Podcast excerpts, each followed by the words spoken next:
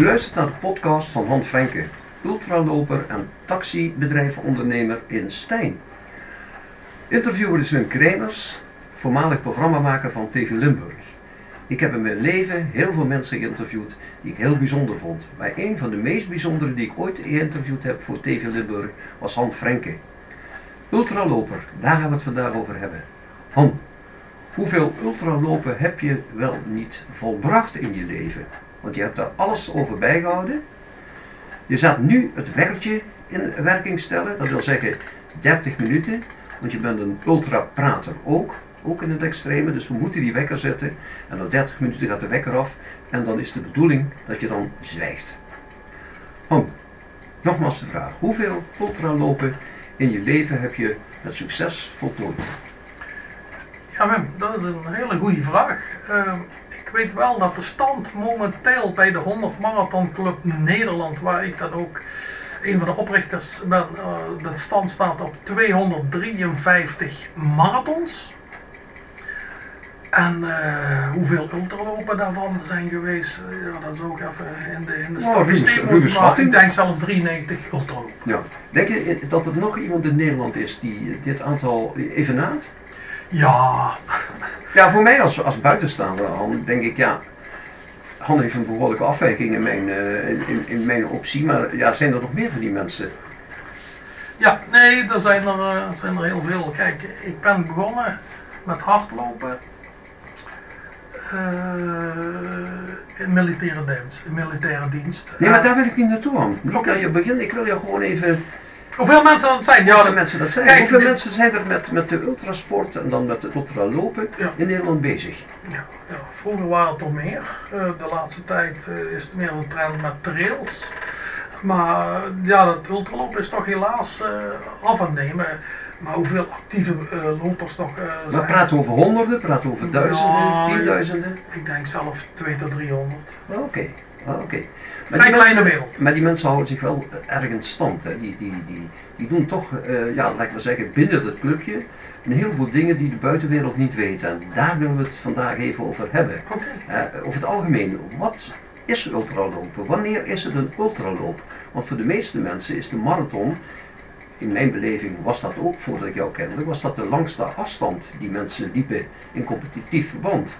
Maar dat is niet zo. Wanneer is het een ultraloop? Ja, een ultraloop is eigenlijk uh, alle afstanden langer dan de marathonafstand. Dus langer dan 42 kilometer, 195 meter. De meest voorkomende afstanden zijn 50, 60, 100 kilometer. Uh, 6 uur, 12 uur, 24 uur, 48 uur. Dat zijn de meeste. Je hebt dan ook nationale kampioenschappen en Europese kampioenschappen met 100 kilometer en ook met uh, 24 uur.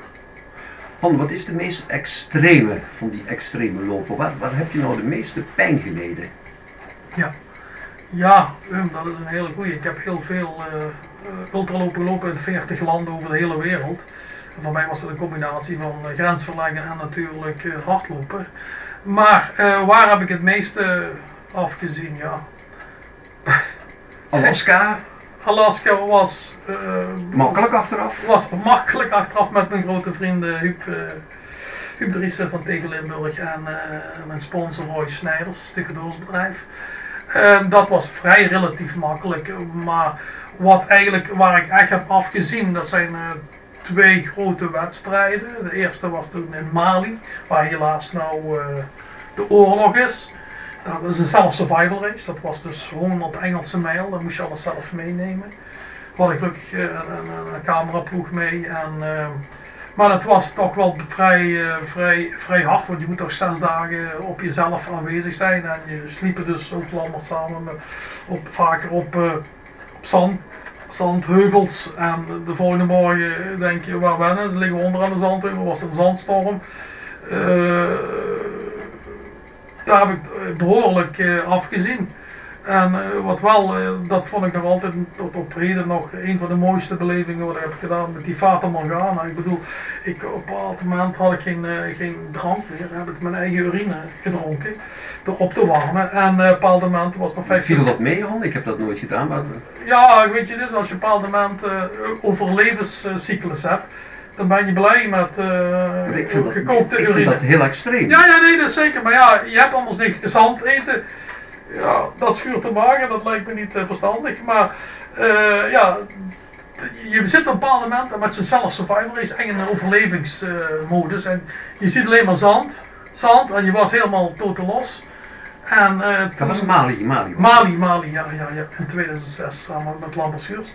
En uh, toen, uh, vijf kilometer voor de finish, uh, moesten we naar een dorp. Daar, en toen, ik dacht echt serieus dat ik alles zou ik doen. Ik dacht al dat ik in de zevende hemel was, maar ik zag daar iemand met een bromfiets bovenop een heuvel met een koelbox met ijskoude Coca-Cola, ook nog de echte. Toen denk ik, ja, maar dit geef ik toch niet. En dat was de lekkerste Coca-Cola wat ik ooit heb gedronken. En wat me ook nog heel heeft aangeroerd in Afrika. Dat was dus, uh, even kijken, de dag van tevoren had ik dus ook weer weinig problemen. Maar ik heb, uh, moet ik zeggen, fraude gepleegd, gevoeteld. Ik had nog geld, uh, Malinesische geldeenheid. En er kwam een jongetje. Ja, als, als je zo ziet in Afrika, uh, waardoor kunnen die goed zo hard lopen? Die moeten vaker 30 kilometer naar de school lopen. 30 kilometer, 30 heen. En dan, doen ze ook nog hardlopen. En dat was een klein jongetje. En uh, die was de hele tijd met me meegelopen. Die liep nog harder dan mij. En toen, uh, ik zei tegen hem, Coca-Cola, Coca-Cola, please, give me Coca-Cola. Yeah. Hij deed zo, geld. Ik zeg, oké. Ik heb hem alle geld gegeven wat hij had. En toen dacht ik zelf, die zien we nooit meer terug. terug. Die zien we nooit meer terug. En opeens kwam die daar. Door de woestijn lopen mee. Die haalde hij weer in natuurlijk. Met twee flesjes cola. En toen, uh, dat vond ik was je, echt... was je ook weer bevrijd van een vooroordeel, hè? Ja, ja nee, zeker. Je denkt dan, vreemde omgeving, Afrika, ja, die zien we nooit meer terug. Nee, maar, ja, maar dat is heel, heel verkeerde woorden. Da daarvoor uh, grijpt me dat nou nog altijd aan als ik dan aan die jongen denk. Uh, na afloop, ik denk, alles wat ik heb in die rugzak, mag die allemaal hebben? Alles, mijn beurs, alles. Maar daar werd ik dus helaas tegengesproken door de leider van die stam dat mocht ik niet doen, want die andere kinderen hadden niks. Die zeg je wel, ik wil dat kind dat geven. Nee, dat mocht niet. Dat vond ik eigenlijk wel vrij frustrerend, maar ik, snap het wel. Maar het was wel een, een, ja, een hele gewaarwording. Uh, ja, ik heb het eigenlijk behoorlijk afgezien. Dan die andere tocht, wat ook een memorabele tocht was, dat was uh, de Copper Canyon, of de Koperkloof in, in Mexico. En hoe kom ik? Ik heb toen het boek gelezen, Born to Run. Dat is een hele goede bestseller. Ik heb dat zelf ook gelezen. Maar gelukkig, pas toen ik daar was. Want als ik dat van tevoren had gelezen, dan was ik natuurlijk nooit geweest. Ja, het was een hele extreme tocht. We begonnen dus eerst in Madrid, overstappen naar Mexico. Mexico City, daar op vrij hoogte. Toen met een vliegtuig naar Chihuahua je weet wel, die kleine leuke hondjes. hondjes ja. Ik geloof dat in Chihuahua is geloof ik nog nooit een Nederlander geweest. Dat was midden in de woestijn, hetzelfde als Dubai. En Las Vegas, waar ik ook ben geweest. En de woestijn en dan een hele grote stad bouwen. Alleen niet zo extreem zoals Las Vegas en, en, en Dubai moet alles het grootste en het mooiste zijn. Maar in Chihuahua kwamen we daar aan. Maar ja, toen waren we dan nooit daar. Hè? Want dat was dus... Uh, ik had toen geen Facebook. Je kon alleen maar inschrijven via Facebook. Er waren maar tien mensen die hadden uitgenodigd te waren. Want dat was zo. En dat is ook uh, wel uh, belangrijk om te vermelden. Ik heb een boek geschreven. En uh, ik ben toen uitgenodigd bij Koppers, Kopspijkers mm -hmm. met Jack Spijker. Dat was nog wel vrijwel, vrijwel goed bekeken toen in die tijd. En er was ook een, een, een, een auteur van het boek van de Tare Humara Indianen. En dat zijn indianen die leven, dat is een stam die leeft op uh, 3000 meter hoogte. En die houdt zich eigenlijk in, in, in, in, in leven door de mais. Ze hebben ook maisbier. Mm -hmm. En daar kom je in dat stam, daar kom je bijna eigenlijk helemaal niet goed terecht. Maar dat was toen La Cabello Blanco, Mika. dit was een Amerikaan, die, heeft, die is daar opgegroeid. En die dacht toen ook, weet je, dit is voor die mensen daar voor extra eh, bekendheid te krijgen. eh, en ook die Tarahumara Indianen, dat waren de beste hardlopers. Waardoor komt dat? En dat is natuurlijk wel een heel ding. Daar is ook pas een heel onderzoek aan geweest. Dat zijn mensen die wat lopen, of mensen, Indianen die wat lopen op het schoeisel van een binnenband van de rubber daarvan. Ja. Daar is ook bewezen, want kijk, wij hebben nou, ik heb de laatste hele mooie schoenen van Essex, maar eh, eh, die hadden dus, die, die hadden helemaal geen blessures. En daar was dan ook een project, dan konden dan tien buitenlanders meedoen. Alleen ja, voor daar te komen, dat was toch wel een heel groot probleem, want ik zat toen in eh, Chihuahua, maar ik moest toen naar Chivo. De trein, dat is ook, moet ik zeggen, een van de mooiste treinreizen ook over de wereld staat ook bekend. Dan ga je over de Copper Canyon, een heel vrij hoog, met de, met de, eh, de trein die heet El Chepe. Ah, oké. El Chepe. En eh, daar, die, die trein die gaat dan echt door op 3000 meter over die Copper Canyon. Die Copper Canyon die is nog veel groter dan die Grand Canyon, die bekende. En eh was ook wel apart, opeens stopt hij midden op- zijn berg en dan krijgen we tortillas. Ja, dat vind ik toch wel eh, vrij lekker. En toen kwamen we dus in Boa Chivo. Maar ja, daar is niet zoals hier eh, een bus of, of wat anders.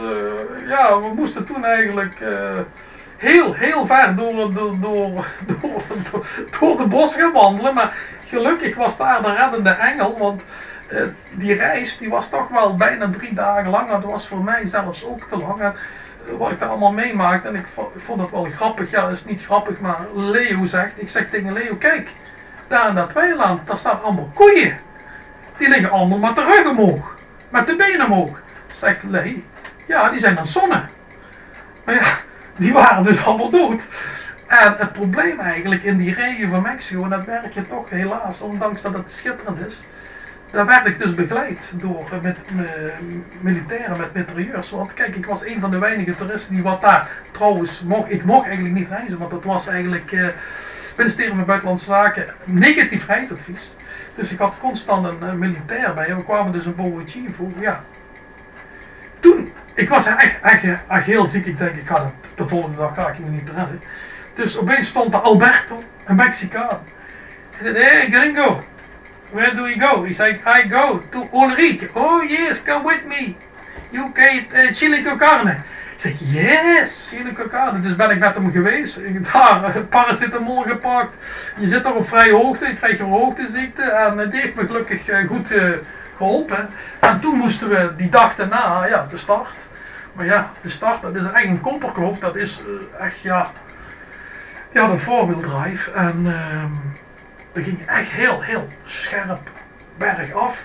En overal pikten die indianen op. Die wat ook gingen meelopen. Dus ja, we zaten dus op die jeep met, met zeker 20 indianen. Kwamen daar eh, in dat plaatsje. Ulrike, daar waren geen hotels. eh dat was midden. Serieus. Daar kwam opeens de president van die streek. Trouwens, daar eh, is Zorro ook geboren. Weet je wat hij zet? Hè? Ja, zeker. Ja, Ken je zeker. zo? Ja, zeker. En eh, toen opeens, ik denk, wat is hier? Iedereen van de weg af. En opeens kwam daar zo'n kleine Cessna eh, geland. Ja, dat was eh, schitterend. Daarbij was eigenlijk ook het probleem dat er waren toch veel van die indianen die hadden maïsbier gedronken. Dus die waren zo laveloos zat. En die hebben allemaal eigenlijk zo'n soort luier aan.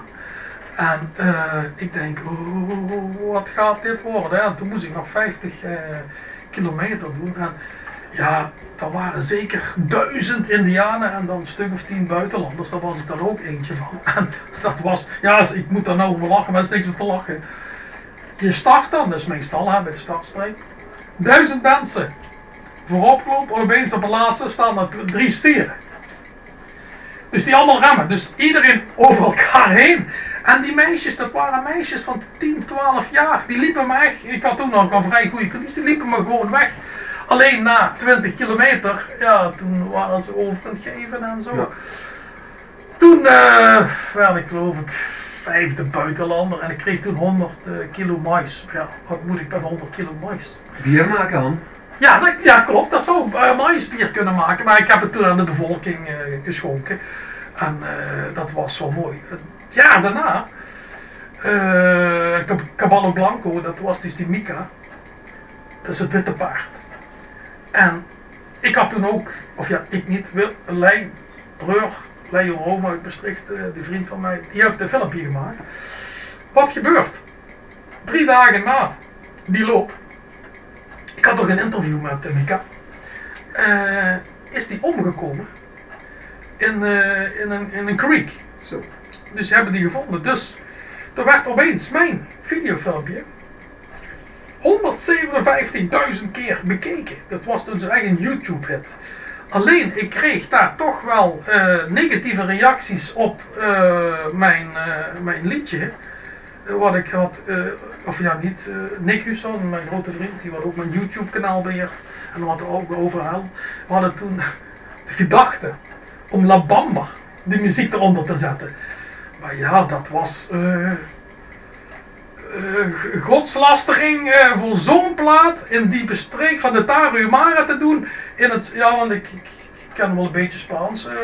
Daar waren niet de goede positieve reacties. Ja, onderhand, onschuldig kun je niet zonder, zegt men wel eens. Hè. Je hebt dat niet met opzet gedaan, het past een beetje in jouw beleving.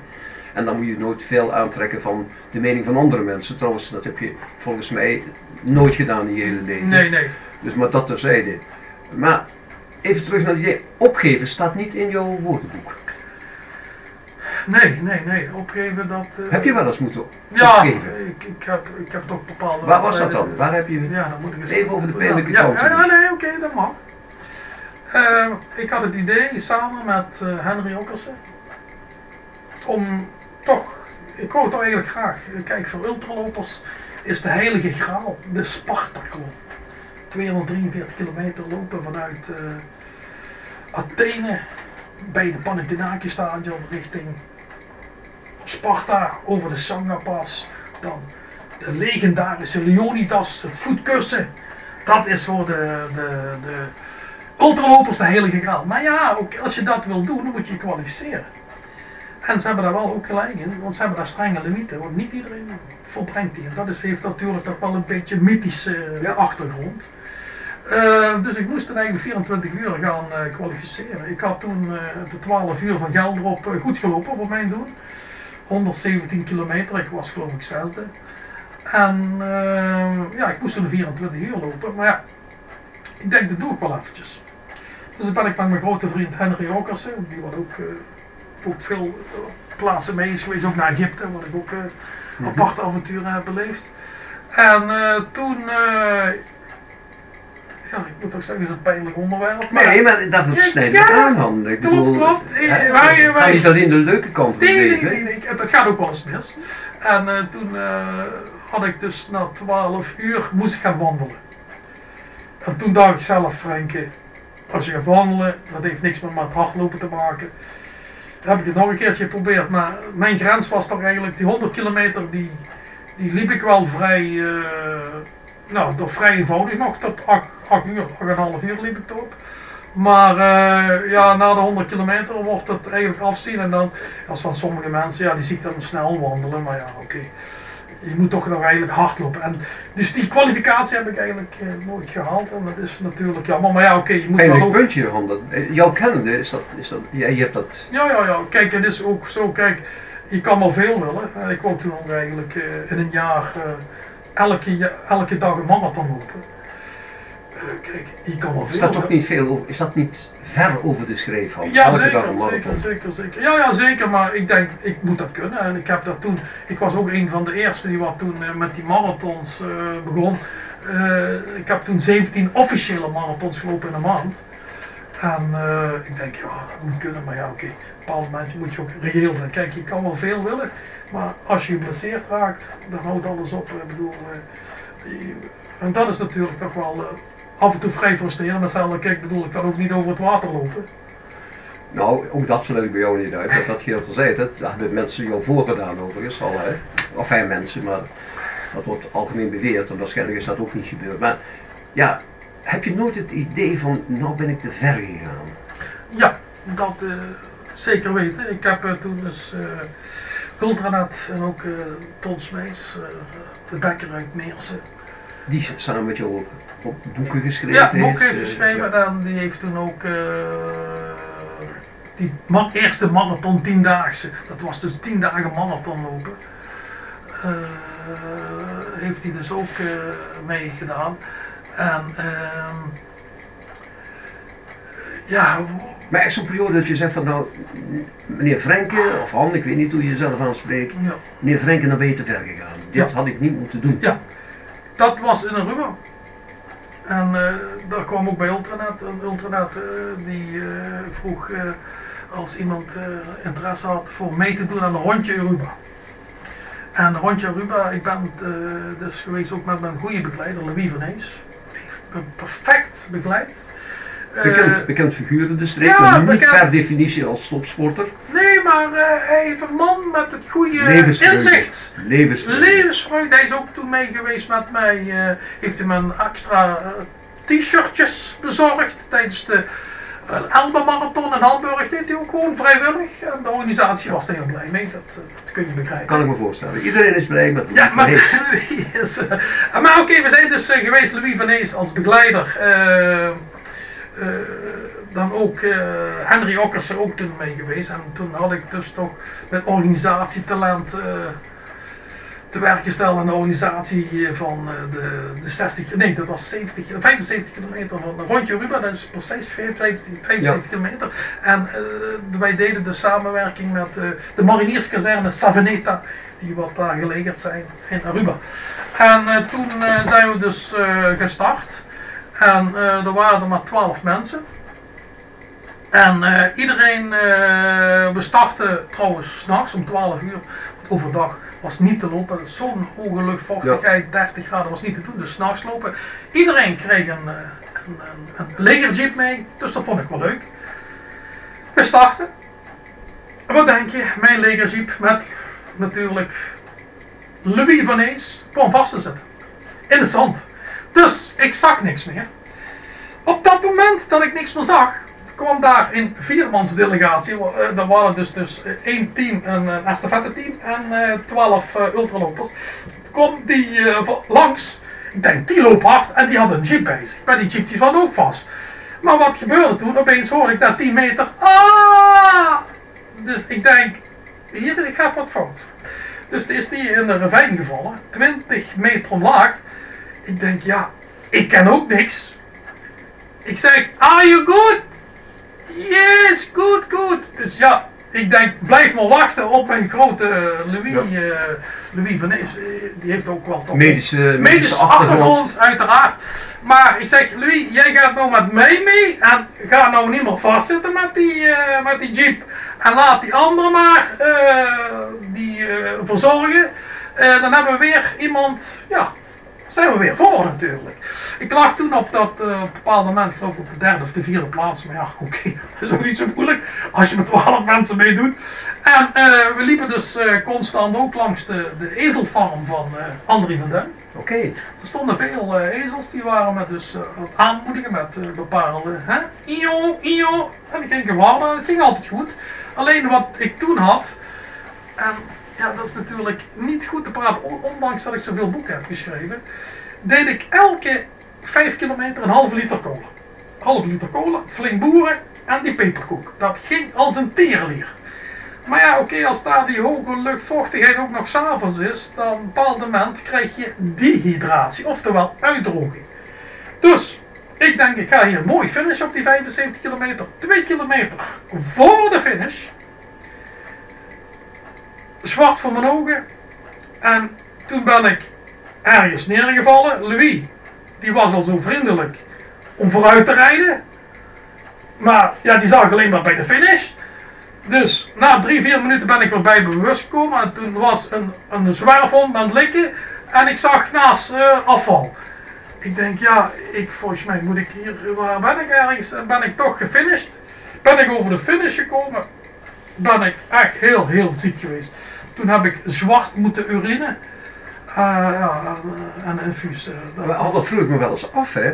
Uh, die ultralopers, wordt dat ook wel van tevoren, word je daar ook medisch op getest? Is daar medische begeleiding? Ik heb het nooit gezien, dat zal ongetwijfeld, ja. hopelijk althans, hmm. zo zijn.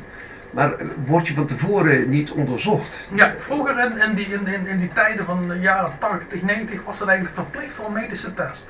Maar door die, die rages is dat eigenlijk ja, heel, heel weinig. Kijk, zo eh, als een, ik heb pas een, eh, een, een, loop eh, gelopen in Davy in eh, Val de Travers in Zwitserland. Daar werd je dus helemaal gecheckt, ook je moest alles bij je hebben. Want op diezelfde dag was ook daar in Garmisch-Partenkirchen eh die extreemloof. En op die dag zijn er drie doden gebleven. Ja. En het, het, het hele, oh, zeker al in die bergen is het heel, heel belangrijk. Kijk, hier onderaan is het 30 graden, maar boven dat de sneeuwt en een onderkoeling. En ook daar heb ik die Val de Travers ook eh, gelopen. Maar dan moesten wel allemaal gecheckt hebben, je moest alles bij je hebben. En dat was ook een geluk, want onder was het 30 graden. We komen bovenaan aan die top. Dan begint het opeens te sneeuwen. Dan begint het opeens te waaien, te hagelen, te sneeuwen. Ik had gewoon, ja, mijn handen waren bevroren. En eh, op een bepaald moment krijg je zoveel eh, ja, kou in je gezicht, je kan niet meer nadenken. En opeens zag ik bovenop de berg vuur. Ik denk, oh vuur, vuur. En heb ik serieus mijn handen in het vuur gedaan. Dan ben je toch ver weg. En dat is natuurlijk wat jij zelf zegt. Eh, nou is dat toch in mindere mate bij wedstrijden dat je daar medisch gekeurd moet zijn. Maar wat Maar een zou, dat, zou dat eigenlijk niet verplicht moeten zijn? ja, het zou eigenlijk eh, verplicht moeten zijn, maar dan zeggen de meesten dan, is, een, eh, is van jezelf, je moet daar zelf voor zorgen. Maar ik moet zeggen, wel in het buitenland, en zeker in Azië, eh, en ook in Frankrijk, eh, ben je verplicht zo'n medische test eh, te doen. En trouwens, ja, ik heb toen ook eens een keertje in Thailand gelopen, dan doen ze constant monitoren, met ook zo'n bloed in de vinger, of ja, hoeveel zuurstof je nog hebt. Dat in het buitenland is het beter. Nou, Ik, ik denk wel dat zo'n ultralopers, met name ultralopers, die moeten ook een beetje tegen zichzelf in bescherming ja, nee, zeker, zeker. genomen worden. Ja. Omdat ze die beslissing niet meer, letterlijk en figuurlijk, niet meer helder kunnen nemen op Ja, sommige ja. momenten. nee, dat klopt. Dat is ook wat ik in Val de Travers. Het is eigenlijk ook als volgt zijn de, de ultralopers. Daar hoor je heel, heel weinig dat daar iemand dood gaat. Pas, en dat vind ik natuurlijk toch wel een, een vrij eh, ernstige zaak in, in China. Ja. Eh, daar bij die gele rivier om. Daar, staat, ik heb die foto's gezien. Of nee, de filmpje heb ik zelf gezien, hoe ze starten. Die waren daar, nou, dat was natuurlijk lekker gedaan. Allemaal een singlet, ze hadden geen, geen niks bij zich. Ja, kom opeens daar in die, in die storm. Maar dan zou er toch iemand moeten zijn die, die weet wat de omstandigheden zijn, Ja. die ze daarvoor moet beschermen. dat, ik, ik vind dat heel slecht van die organisatie. Ik heb daar ook bewust kritiek op eh, gedaan. En dan moet je eigenlijk beschermen. Kijk, jij als organisatie hebt eigenlijk een verantwoording voor de deelnemers ook goed te laten finishen. Kijk, dat sommige mensen eh, onverantwoorde dingen doen. Ja, daar kan je ze niet voor eh, eh, doen. Maar het is. eh, een organisatie moet toch wel daarvoor staan, ook voor de gevaren. En zeker ook voor een, een bepaalde kit, hè, een overlevingskit te doen. Overlevingsdeken, wat wij toen ook hadden in, in, in, in Mali. Dat je alle, eigenlijk zo'n hele overheid... Kijk, als je die artikelen niet bij je hebt, mag je niet starten. Of bij een checkpoint, als je dan binnenkomt, je hebt dat niet meer bij je, uit de wedstrijd. Ik vind dat ook de rechte beslissing. Ja, vind ik ook, vind ik ook te- te terecht. Absoluut. En, Maar eh, over de organisatie komen we in de volgende podcast, want je bent als organisator natuurlijk ook eh, ja. van alle wateren gewassen, om het zo maar eh, te ver- vertellen. Maar ehm, als, als een moeilijk moment dat je had, dat je bijna je, je handen letterlijk in het vuur gaat steken, denk je dan ook nog wel eens aan, aan de thuissituatie? Denk je op zo'n moment ook niet aan, aan de vrouw en de kinderen? Stel je dan niet de vraag, ga ik niet te ver? Want ik heb ook nog een verantwoordelijkheid Ja. in die verre Ja. landen in Stijn. Nee, dat klopt. Eh, op een bepaald moment, als je zo diep zit en, en, en je wil je alleen maar overleven, dan ben je niet meer aan het denken aan mijn vrouw en kinderen. Ik ben alleen maar overleven, hoe kom ik weer veilig bij de finish? Maar kijk, op het moment dat je dan zo heel diep zit en je kan er niet meer denken, ja, dan, dan ben je ver. En dan ben je wel natuurlijk, denk, oeh, dat zou misschien wel apart zijn, eh, sterven in het harnas. Maar dat hoeft er voor mij eigenlijk ook wel niet. Maar Nee, laten we dat vooral doen. nee, nee, ja, nee. Heb je het er achteraf wel eens over? Heb Ja, je er- nee, als je thuis, in, thuis zit, waar- praat je daar wel eens met je vrouw over? Thuis praat je er met je kinderen over? Ik, ja, zat, ik had een moeilijk minder, moment. Iets minder, iets minder, toch. Maar wel met eh, Henry Okkersen, dus die vriend ook, die wat achter me Ja, maar daar heb je geen verantwoordelijkheid Nee. Je hebt een verantwoordelijkheid. Je, je, werd, je wordt weer gered door de wekkerhand, maar je komt er wel op de volgende podcast